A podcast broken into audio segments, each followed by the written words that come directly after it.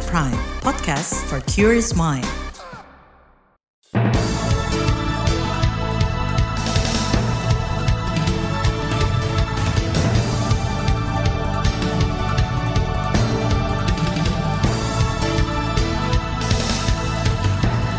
Selamat pagi saudara, senang sekali kami bisa menjumpai Anda melalui program Buletin Pagi edisi Senin 10 April 2023 bersama saya Naomi Liandra. Sejumlah informasi pilihan telah kami siapkan di antaranya. Pemerintah diminta pastikan manajemen kapasitas dan waktu di periode mudik.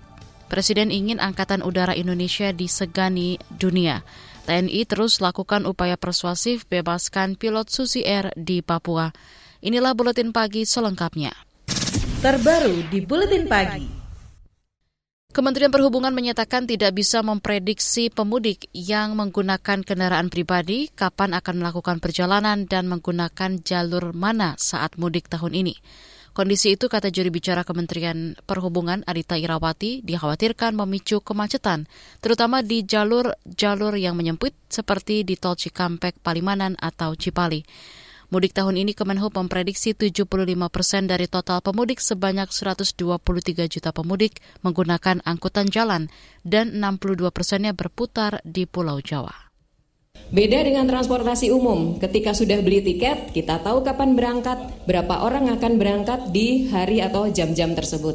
Jadi, kalau saya boleh sampaikan, persiapan untuk transportasi umum di udara, laut, dan di kereta api relatif sudah sangat baik. Itu tadi juri bicara Kemenhub Adita Irawati. Sementara juri bicara Mabes Polri Ahmad Ramadan menambahkan kepolisian akan memperlakukan rekayasa lalu lintas saat arus mudik dan balik lebaran 2023. Bayangkan ya dari empat ke dua, dari empat kurang satu aja ya ketika ada ya membayangkan jalan tol itu ketika satu satu lajur ada mobil macet atau mogok itu bisa menimbulkan kemacetan yang panjang. Itu di hari normal. Bagaimana kalau situasi di mudik? Potensi kemacetan ini nanti tentu akan dibuat langkah-langkah ya. Itu tadi juri bicara Mabes Polri Ahmad Ramadan. Skema rekayasa lalu lintas yang paling mungkin dilakukan yakni satu arah atau one way hingga penambahan jalur lain atau kontraflow. Selain wanti-wanti pengguna kendaraan pribadi, Komisi Perhubungan DPR mengingatkan pemerintah memastikan ketersediaan bahan bakar selama mudik lebaran 2023. Kata anggota Komisi Perhubungan DPR Herman Hairun, jangan sampai bahan bakar habis di jalur mudik. Kami sudah mendalami, bahkan kami juga sudah mendatangi ke depo-depo yang belum terbakar. Jadi ada kesiapan yang saya kira cukup baik. Kita berikan apresiasi kepada Pertamina bahwa untuk menjelang Ramadan dan Idul Fitri memang ada kesiapan ketahanan energinya mencapai 17 hari. Asal yang penting Pak Ramadan, yang penting tidak macet 17 hari aja aman. Anggota Komisi Perhubungan DPR Herman Hairon menambahkan, ketersediaan bahan bakar bisa menjadi persoalan jika arus lalu lintas saat mudik tidak lancar. Apalagi jika terjadi kepadatan lalu lintas yang cukup lama, maka akan berpengaruh pada pendistribusian bahan bakar ke wilayah-wilayah yang dilalui pemudik. Sementara Kementerian Koordinator Bidang Pembangunan Manusia dan Kebudayaan Kemenko PMK menyebut persiapan mudik telah matang di sejumlah terminal bus di Pulau Jawa. Salah satunya kata Menko PMK Muhajir Effendi di Terminal Kampung Rambutan. Kesiapan itu mulai dari supir, petugas tiket, kesiapan surat kendaraan, hingga sampling uji emisi bus. Mudah-mudahan untuk bis-bis yang lainnya akan berangkat juga sama, mulai dari persyaratan eh, apa, kelayakan pengendara atau supir, kemudian bersurat-surat termasuk uji kelayakan kendaraan, kendaraan air terutama, yaitu tentang kondisi rem, kondisi mesin, dan seterusnya. Kemudian yang tidak kalah penting adalah emisi gas buangnya harus juga memenuhi standar. Itu tadi Menko PMK Muhajir Effendi. Puncak arus mudik diperkirakan terjadi pada 21 April dan arus balik pada 25 April 2023. Pengamat transportasi Joko Setiowarno menyebut macet merupakan hal yang tak terhindarkan setiap musim mudik. Joko mengatakan yang terpenting adalah pemerintah memastikan manajemen kapasitas dan manajemen waktu berjalan dengan baik hingga macet bisa diminimalisir.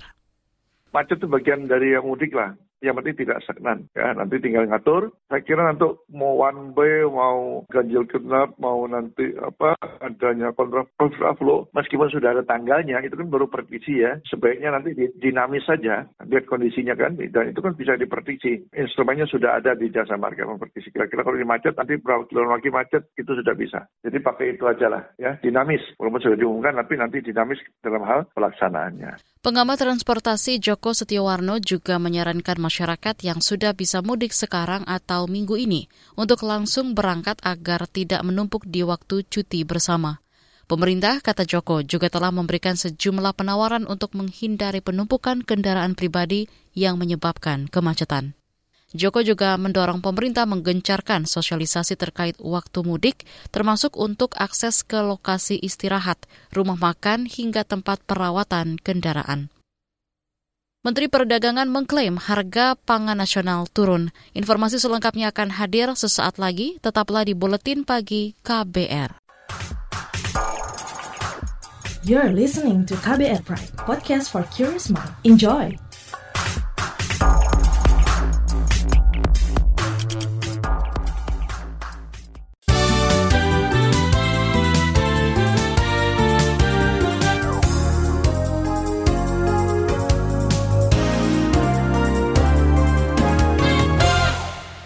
Anda sedang mendengarkan buletin pagi KBR.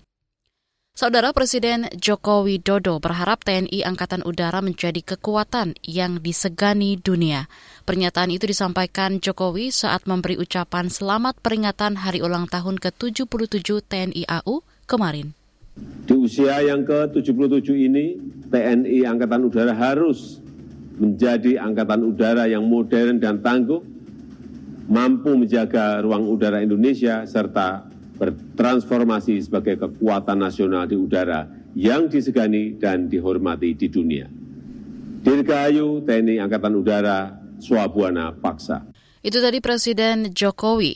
Sementara itu Panglima TNI Yudo Margono meminta TNI Angkatan Udara mampu beradaptasi dengan berbagai kemungkinan Apalagi saat ini, kata Yudo, situasi dunia tengah menghadapi tantangan berat setelah pandemi COVID-19 mereda.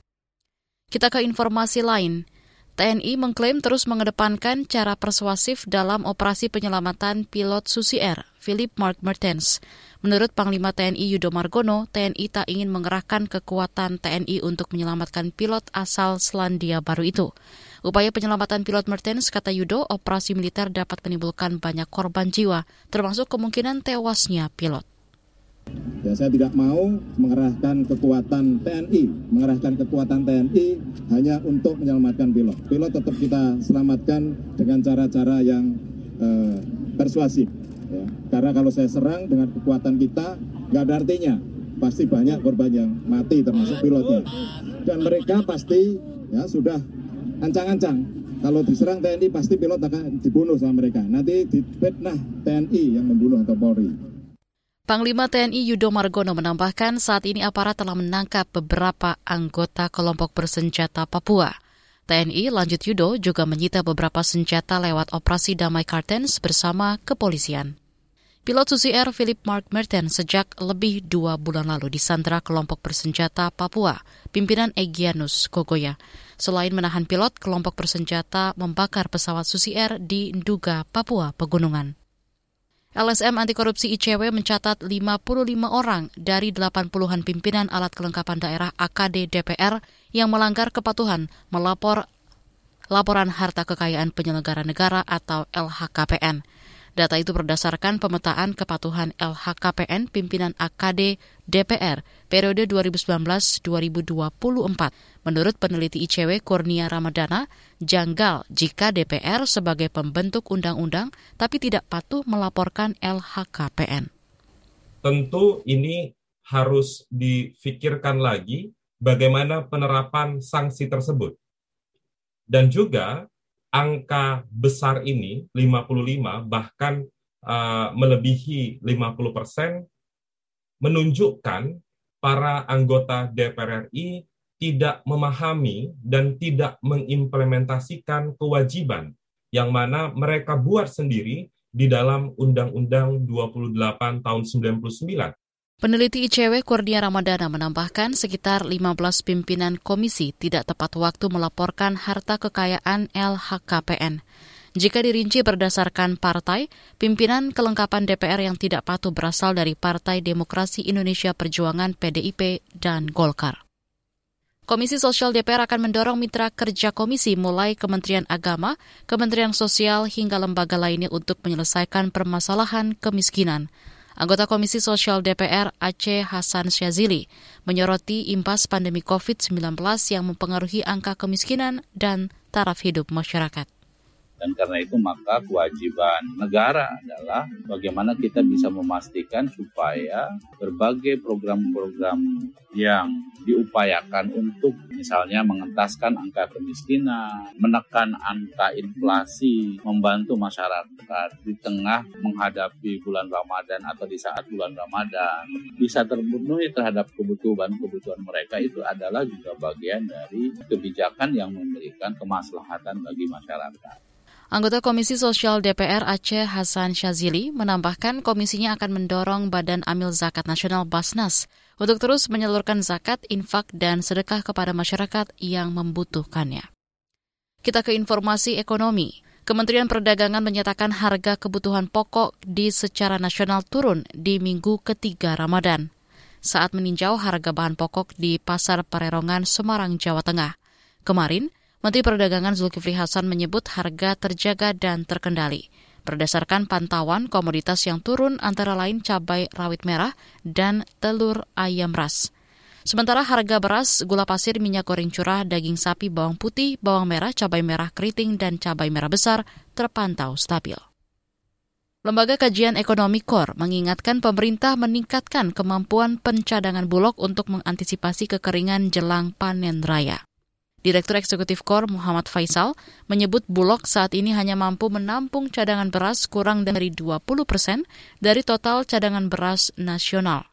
Faisal mengingatkan cadangan pangan itu harus ditingkatkan.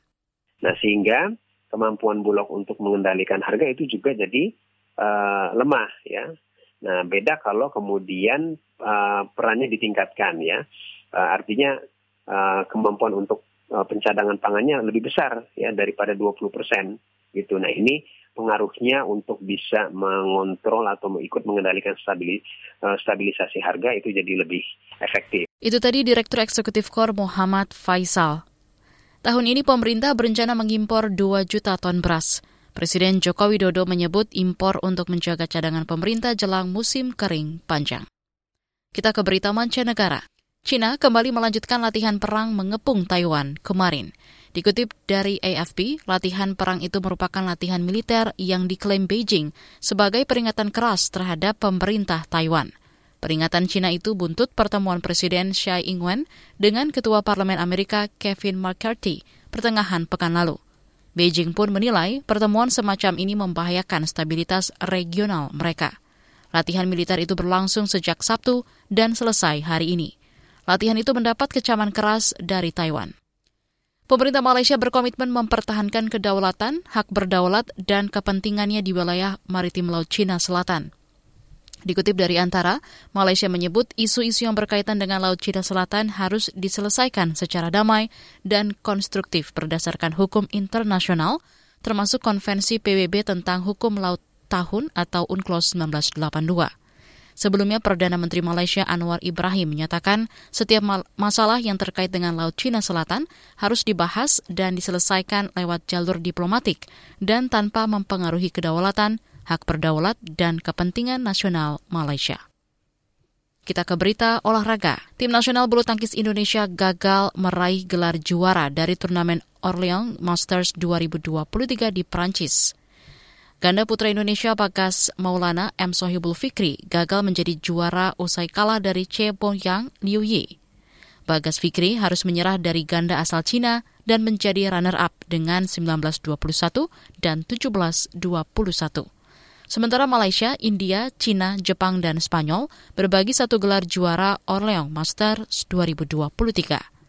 Malaysia meraih gelar di ganda campuran, Jepang meraih gelar dari ganda putri, dan India di sektor tunggal putra. Sementara Spanyol meraih gelar melalui tunggal putri dan Cina mendapat gelar juara dari ganda putra. Di bagian berikutnya kami hadirkan laporan khas KBR tentang upaya menjaring caleg berkualitas tanpa politik uang. Tetaplah di Buletin Pagi KBR. You're listening to KBR Pride, podcast for curious mind. Enjoy!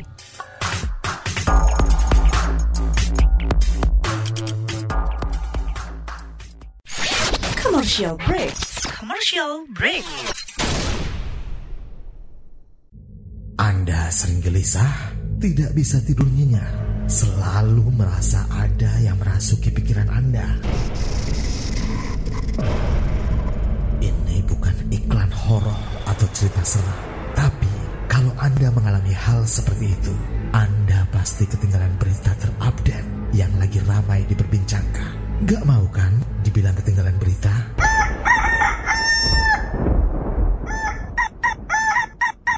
Makanya dengerin KBR Pagi, siaran pagi radio paling update menghadirkan narasumber yang terpercaya dan kredibel. Banyak lagu-lagu dari zaman old sampai zaman now. Setiap hari Senin sampai dengan Jumat mulai pukul 7 sampai 8 waktu Indonesia Barat. Bisa didengerin dari Aceh hingga Papua. Cukup satu jam saja untuk membuat kamu tetap update. Woi, ayam siapa nih? Berisik, saya mau dengerin kabar pagi.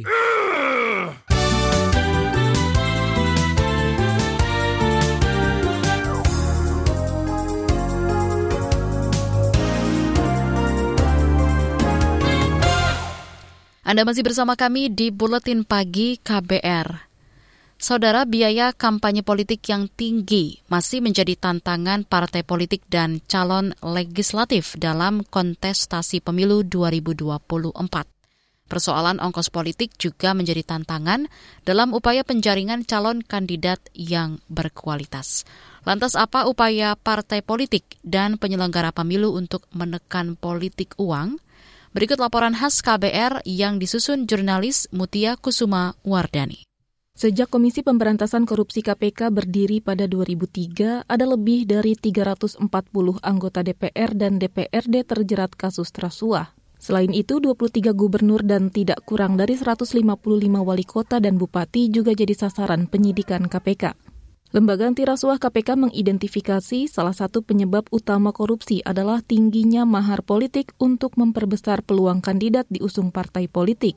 KPK memperkirakan transaksi di bawah tangan untuk jual beli suara itu nilainya mencapai miliaran rupiah per orang. Mahar politik juga terjadi pada setiap tingkatan, termasuk biaya pencalonan kepala daerah yang dapat mencapai seratusan miliar rupiah. Direktur Sosialisasi dan Kampanye Anti Korupsi KPK, Amir Arif, mengatakan, Kandidat yang terpilih karena mahar politik terbukti tidak berkualitas. Menurut Amir, mereka tidak mempunyai integritas dan kapasitas sebagai pemimpin atau wakil rakyat. Tahun lalu bahkan Pak Sekjen, kami dapat curcol itu dari kader partai gitu. Pak, kami itu kalau kampanye ke daerah katanya, rakyat itu langsung identifikasi. Saya ini caleg duafa atau tidak Pak. Karena saya harus membiayai politik yang begitu tinggi, akhirnya dia memilih-milih mana caleg yang isi tasnya lebih tebal gitu daripada yang mampu memberikan janji-janji program dan visi misi yang lebih menjanjikan bagi pembangunan masyarakat. Direktur Sosialisasi dan Kampanye Anti Korupsi KPK, Amir Amir Arif menambahkan, mahar politik juga membuat seseorang terus putar otak mengembalikan modal untuk mengikat restu partai. Akibatnya, jika caleg itu terpilih, maka akan berlanjut pada keputusan yang hanya menguntungkan diri dan kelompoknya serta membuka celah untuk korupsi. Efek domino dari mahar politik itu juga dapat merusak demokrasi dan sistem pengkaderan yang ideal. Salah satu partai baru peserta pemilu 2024, Partai Gelora, menilai regulasi tentang dana kampanye masih membuka celah untuk korupsi. Baik itu regulasi dalam Undang-Undang tentang Pemilu, Peraturan Komisi Pemilihan Umum atau PKPU, maupun Peraturan Badan Pengawas Pemilu atau Perbawaslu. Wakil Ketua Umum Parpol Gelora, Fahri Hamzah mengatakan, peraturan soal sumber uang calon yang berkontestasi harus diatur ketat dan transparan. Ia mendorong porsi biaya kampanye dari pemerintah harus lebih besar ketimbang swasta untuk menekan praktik politik uang berkedok balas budi. Kalau pemilu ini tidak disistematisir lagi sebagai satu pertarungan yang ada aturannya, ya dan aturannya itu mesti ada fondasi berpikirnya gitu, sistem demokrasi dan sistem ketatanegaraan, eh, jadwalnya bagaimana, ya kontestasinya apa yang mau diadu dan sebagainya dalam demokrasi itu penyelenggaranya itu partai politik atau orang. Yang kayak gitu kalau tidak disistematisir lagi ya inilah yang akan terjadi. Pemilu ini adalah Thai boxing gitu ya. Aturannya itu longgar, inisiatif orang per orang tinggi, dan sumber daya yang dimobilisir tidak terbatas, termasuk sumber daya yang berasal dari orang yang sedang memegang kekuasaan. Bekas Wakil Ketua DPR itu yakin praktik politik uang akan mempersempit ruang adu gagasan antar kandidat peserta pemilu, karena itu ia menolak sistem pemilu proporsional tertutup. Komisi Pemilihan Umum KPU menilai masalah politik uang saat kontestasi pemilu tak cukup hanya diatasi melalui penegakan hukum, melainkan juga melalui pendekatan kultural. Ketua KPU Hashim Asyari mengatakan bahaya gerakan politik uang mesti disosialisasikan ke setiap daerah. Karena itu rayuan memilih calon lewat iming-iming pembagian amplop harus ditolak masyarakat. Yang jadi problem adalah ketika pendekatan kultural, pendekatan sosial, pendekatan kultural nggak jalan, nggak akan berpengaruh kepada pendekatan hukum. Hashim mengatakan gerakan kultural bisa menjadi upaya awal menangkal politik uang. Ini juga sekaligus menyadarkan kandidat pemilu bahwa adu gagasan lebih penting ketimbang melakukan politik transaksional. Ia mengingatkan pemberi dan penerima uang dalam transaksi jual beli suara sama-sama bisa terkena ancaman pidananya sesuai Undang-Undang Pemilu. Dalam penjelasan berbeda, Perkumpulan untuk Pemilu dan Demokrasi atau Perludem mengungkap cara efektif untuk memberantas politik uang dan mahar politik, yaitu membatasi biaya belanja kampanye. Direktur Perludem Hoirunisa Nur Agustiati menegaskan, pembatasan belanja kampanye itu harus rasional dan realistis. Selain itu, permintaan uang oleh partai politik kepada kontestan pemilu tidak boleh dianggap wajar. Ya akhirnya ada ketergantungan pada uh, pihak ketiga tadi da dana negara sedikit gitu ya, lalu juga uh, iuran anggotanya juga nggak maksimal, apalagi iuran publik. Nah sementara partai butuh biaya yang besar, bukan cuma untuk biaya kampanye, tapi juga untuk partainya sendiri kan internal partai menjalankan organisasi, biaya gedung, pertemuan, rekrutmen, pendidikan politik itu kan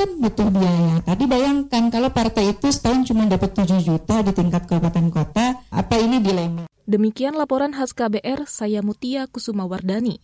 Informasi dari berbagai daerah akan hadir usai jeda. Tetaplah bersama Buletin Pagi KBR.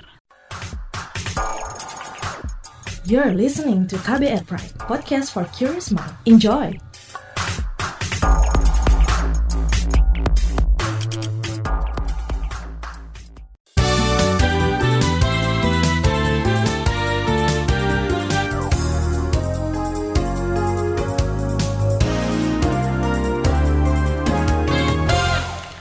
Inilah bagian akhir buletin pagi KBR. Kita ke ibu kota. Uskup Agung Jakarta Ignatius Kardinal Suharyo mengajak seluruh umat Katolik untuk mewujudkan sila kelima Pancasila, keadilan sosial bagi seluruh rakyat Indonesia. Dalam khotbah di Miska Paskah Gereja Katedral Jakarta kemarin, Suharyo mengajak umat Katolik lebih peka terhadap masalah di sekitar mereka, seperti air bersih, polusi, lingkungan hidup, dan kemiskinan, termasuk korupsi, mafia, dan pamer harta kian menjadi-jadi. Saya mengatakan ini dengan sangat serius, mencederai cita-cita kemerdekaan. Jadi bukan hanya korupsi, korupsi itu jalannya, tetapi akibatnya adalah cederanya martabat bangsa Indonesia. Oh, bangsa Indonesia itu ternyata kayak gitu ya. Ini kan susahnya bukan main. Oh, ternyata cita-cita kemerdekaan itu hanya tertulis di dalam pembukaan Undang-Undang Dasar. Uskup Agung Jakarta Ignatius Kardinal Soeharyo ingin umat Katolik bisa lebih cinta tanah air dengan memuliakan martabat manusia dan mempererat persaudaraan. Pemerintah berharap peresmian Gereja Kristen Indonesia GKI Yasmin di Bogor, Jawa Barat menginspirasi pembangunan gereja di Kota Cilegon, Banten yang masih mendapat penolakan. Menurut Menteri Dalam Negeri Mendagri Tito Karnavian, inspirasi dari GKI Yasmin itu salah satunya agar kepala daerah lebih berani, sedangkan warga lebih terbuka. Tito mengaku terus berupaya mengatasi penolakan warga terhadap pembangunan gereja di kota Cilegon, Banten. Tito menyebut pemerintah saat ini tengah menjalin komunikasi dengan warga dan kelompok agama setempat. Sebelumnya Cilegon disebut menjadi satu-satunya kota di Indonesia yang tidak memiliki rumah ibadah selain masjid dan musola milik umat muslim. Informasi tadi menutup jumpa kita di Buletin Pagi hari ini. Pantau juga informasi terbaru melalui kabar baru, situs kbr.id, Twitter, at berita KBR, podcast di kbrprime.id. Saya Naomi Liandra bersama tim yang bertugas undur diri. Salam.